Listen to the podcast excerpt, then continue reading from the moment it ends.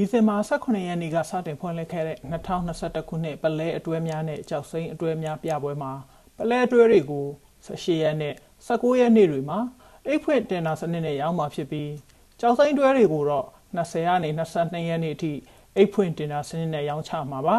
ပလဲအတွဲအနှိမ့်ဆုံးအခြေခံဈေးအဖြစ်အမေရိကန်ဒေါ်လာ1000နဲ့ကြောက်စိမ်းတွဲတွေအတွက်နှိမ့်ဆုံးအခြေခံဈေးကိုယူရို9000သတ်မှတ်ရောင်းချနေပါတယ်။ စစ်ကောင်စီလက်ထက်ပထမအကြိမ်ကြောင်းမြက်ပွဲမှာတော့ချက်ငွေနဲ့ရောင်းချတာဖြစ်ပြီးအခုဒုတိယအကြိမ်ပြပွဲကိုတော့နိုင်ငံခြားငွေနဲ့ရောင်းချတာဖြစ်ပါတယ်။ပြပွဲအတွင်းပလဲအတွဲ330နဲ့ကြောက်စိန်အတွဲ980ကိုရောင်းချမယ်လို့ကြေညာထားပါတယ်။ပထမအကြိမ်ကျပ်ငွေနဲ့ရောင်းချခဲ့တဲ့ကြောင်းမဲ့ရနာပြပွဲမှာတော့ကျပ်ငွေ33ဘီလီယံကျော်ကိုအကြမ်းဖက်စစ်ကောင်စီကရရှိခဲ့ပါတယ်။ တောင်ကိုရီးယားတန်ယုံမြန်မာရဲ့စီစဉ်ပေးမှုနဲ့ Samsung LG ပါဝင်တောင်ကိုရီးယားကုမ္ပဏီချို့ကစစ်ကောင်စီဘက်ကအရာရှိတွေနဲ့တွေ့ဆုံပြီးအစင်းမြင့်အစည်းအဝေးတစ်ခုပြုလုပ်ခဲ့တယ်လို့ Financial Times သတင်းဌာနကဖော်ပြထားပါတယ်။နိုဝင်ဘာလကပြုလုပ်ခဲ့တဲ့ကိုရီးယားမြန်မာစီးပွားရေးပူးပေါင်းဆောင်ရွက်မှုဆွေးနွေးပွဲကိုယင်းနှမြုံနယ်မှုနဲ့ကုမ္ပဏီများညွှန်ကြားရေးဦးစီးဌာနစက်မှုလက်မှုကုန်တဲ့အသင်းချုပ်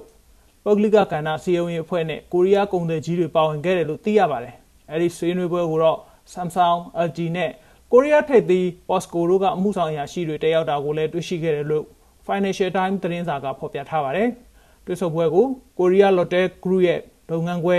Lotte ရန်ကုန်မြန်မာမှာလုပ်ခဲ့တာဖြစ်ပြီး POSCO International ကကျွန်တော်တို့ဆောင်ရွက်နေတဲ့လုပ်ငန်းတွေရဲ့အခက်အခဲတွေကိုဆွေးနွေးဖို့အစည်းအဝေးမှာပါဝင်ခဲ့တယ်လို့အတည်ပြုထားပါတယ်။ LG ကတော့အစည်းအဝေးမှာပါဝင်ခြင်းရှိမရှိအတည်မပြုနိုင်သေးဘူးလို့ပြောကြားခဲ့ပြီး Samsung ကိုမှတ်ချက်ပေးဖို့တောင်းဆိုမှုအပေါ်ရန်ကုန်မြို့ကိုရီးယားတန်ယုံကတုံ့ပြန်ဖြေကြားခြင်းမရှိခဲ့ဘူးလို့ Financial Times ကပြောပါတယ်။တောင်ကိုရီးယားနိုင်ငံဟာမြန်မာနိုင်ငံမှာစတမမြောက်အကြီးဆုံးနိုင်ငံခြားယင်းနှိမ့်မြှုပ်နှံသူတွေဖြစ်ပြီးယင်းနှိမ့်မြှုပ်နှံမှုပမာဏအမေရိကန်ဒေါ်လာ၄ဘီလီယံကျော်ဖြစ်ပါတယ်။တရုတ်မြန်မာနယ်စပ်ကုန်သွယ်မှုမှာယူအန်ကျပ်ဓာတ်ရိုက်အသုံးပြုပေးချေမှုကိုဗဟိုဘဏ်ကခွင့်ပြုခဲ့ပြီးတဲ့နောက်ပိုင်းစမ်းသပ်ကာလအတွင်းယူအန်2ဘီလီယံအမေရိကန်ဒေါ်လာ314သန်းဝန်းကျင်ကိုထည့်သွင်းအသုံးပြုသွားမယ်လို့သိရပါတယ်။ ဒီပမာဏဟာနှစ်နိုင်ငံနယ်စပ်ကုန်သွယ်မှုတန်ဖိုးရဲ့၅ပုံတစ်ပုံနဲ့ညီတယ်လို့သိရပါတယ်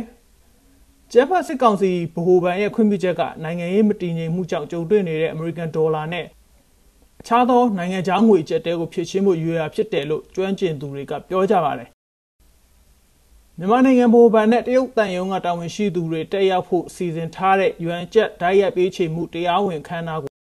2022ခုနှစ်ဇန်နဝါရီလ1ရက်နေ့မှာကျင်းပဖို့ရှိတယ်လို့ Global Times သတင်းမှာဖော်ပြထားပါတယ်။ UN ကျပ်တိုက်ရိုက်အသုံးပြုပေးချေခွင့်အတွက် Bangkok China BOC Hong Kong ရန်ကုန်ရုံးခွဲနဲ့ Industrial and Commercial Bank of China ICBO တို့ကိုဆောင်ရွက်ခွင့်ရတဲ့ဘဏ်အဖြစ်ရွေးချယ်ထားပါတယ်။ဒါကြောင့်သွင်းကုန်တင်သွင်းသူတွေပို့ကုန်တင်ပို့သူတွေအနေနဲ့ဆောင်ရွက်ခွင့်ရတဲ့ဘဏ်တွေမှာ UN စရင်ဖွင့်လှစ်ပြီးကုန်သွယ်မှုလုပ်ငန်းတွေကိုဆောင်ရွက်ရမှာလည်းဖြစ်ပါတယ်။ ကနဦးအဆင့်အဖြစ်ကုံသွယ်မှုမှာရွမ်ချက်ဓာတ်ရိုက်လဲလှယ်အသုံးပြုခြင်းကရန်သုံးဆွဲမှုကိုချက်ထွင်လာအောင်ပြုလုပ်တဲ့ရှေ့ပြေးအစီအစဉ်ဖြစ်ပြီးနောက်ပိုင်းမှာအသေးစားလူသုံးကုန်ပစ္စည်းနေ့စဉ်သုံးကုန်ပစ္စည်းတွေဝယ်ယူမှုတွေမှာပါသုံးဆွဲသွားဖို့အောင်စိုက်သွားမယ်လို့သိရပါတယ်။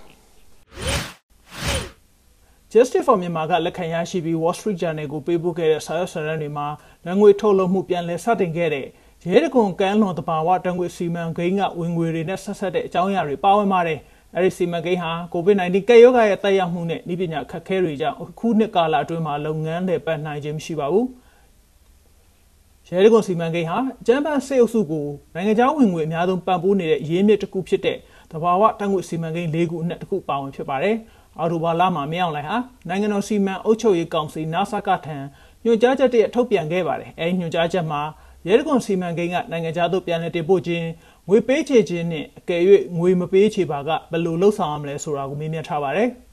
။ရဲတကွန်စီမံကိန်းမှရရှိနိုင်မယ်။တဘာဝတငွေမှခံမှန်းဝင်ငွေအားစီရင်ခံတင်ပြရန်အမိပေးခဲ့ပါတယ်။အဲဒီအမိန့်စာကိုမင်းအောင်လှိုင်ရဲ့ရုံးနဲ့ဒုတိယဗိုလ်ချုပ်ကြီးအောင်လင်းထွေးရဲ့တွေးမှုယုံထံမိတ်တူပေးထားပါတယ်။လက်တလောပေါက်ကြားလာတဲ့စာရွက်စာတမ်းအထောက်အထားတွေအရတော့မြမရေနံနဲ့တဘာဝတငွေမှဝင်ငွေများချက်ပတ်စစ်အုပ်စုမှာဆက်လက်ရရှိနိုင်ရေးအတွက်မြောင်းလှိုင်ကိုယ်တိုင်စိုးရိမ်ပူပန်နေတယ်လို့ ကောက်ချက်ချရပါတယ်။ရဲတကုစီမံကိန်းဟာမလေးရှားနိုင်ငံပိုင်ရေနံကုမ္ပဏီဖြစ်တဲ့ Petronas ကဦးဆောင်ပြီးထိုင်းနိုင်ငံက PTTEP ဂျပန်နိုင်ငံက JX Nippon Oil and Gas Exploration ဂျပန်အစိုးရနဲ့ Mitsubishi Corporation တို့နဲ့အတူစေအုပ်စုကထိန်းချုပ်ထားတဲ့ MOGE ပါဝင်တဲ့အုပ်စုကနေလေပတ်လောက်ကင်နေတာဖြစ်ပါတယ်။ မြန်မာနိုင်ငံစားသုံးစီရောင်းဝယ်ရေးအသင်းနဲ့ညှိနှိုင်းပြီးတန်ဖိုးအဖြစ်အမေရိကန်ဒေါ်လာ12တန်းကျော်တန်ဖိုးရှိတဲ့စောင်းစီတန်ချိန်9000ကျော်ကိုရောင်းချခဲ့တယ်လို့ချမ်ပတ်စစ်ကောင်စီရဲ့လောက်ခံစီးပွားရေးနဲ့ကုသရေးဝယ်ဝန်ကြီးဌာနအစားသုံးသူရေးရာဦးစီးဌာနကထုတ်ပြန်ခဲ့ပါတယ်။စောင်းစီတန်ချိန်8000ကျော်ကိုရန်ကုန်တိုင်းဒေသကြီးလက်ကားရောင်းချသူတွေထံရောင်းချခဲ့ပြီးမန္တလေးတိုင်းမှာတန်200ကျော်မကွေးတိုင်းမှာတန်200ကျော်စကိုင်းတိုင်းဒေသကြီးမှာ တန်180ကျော်ပဲခူးတိုင်းဒေသကြီးမှာတန်100ကျော်နဲ့နေပြည်တော်မှာတန်ချိန်80ကျော်ရောင်းချခဲ့တာဖြစ်ပါတယ်။ဒါအပြင်ရွှမ်းပြည်နယ်မွန်ပြည်နယ်နဲ့တနင်္သာရီတိုင်းဒေသဒေသအသီးသီးမှာတန်ချိန်90ကျော်ရောင်းချခဲ့တယ်လို့သိရပါတယ်။ပြည်တွင်းစားသုံးစီစားသုံးမှုဟာတစ်နှစ်ကိုတန်ချိန်တသန်းခန့်ရှိပါတယ်။ဒါပေမဲ့ပြည်တွင်းစားသုံးစီထုတ်လုပ်မှုမှာတန်ချိန်၄သိန်းခန့်သာရှိနေသေးပါတယ်။ပြည်တွင်းစိတ်ကွက်မှာစားသုံးစီလုံလောက်ဖို့အတွက်နှစ်စဉ်စားသုံးစီတန်ချိန်9သိန်းခန့်ကိုပြည်ပကနေတင်သွင်းနေရတယ်လို့သိရပါတယ်။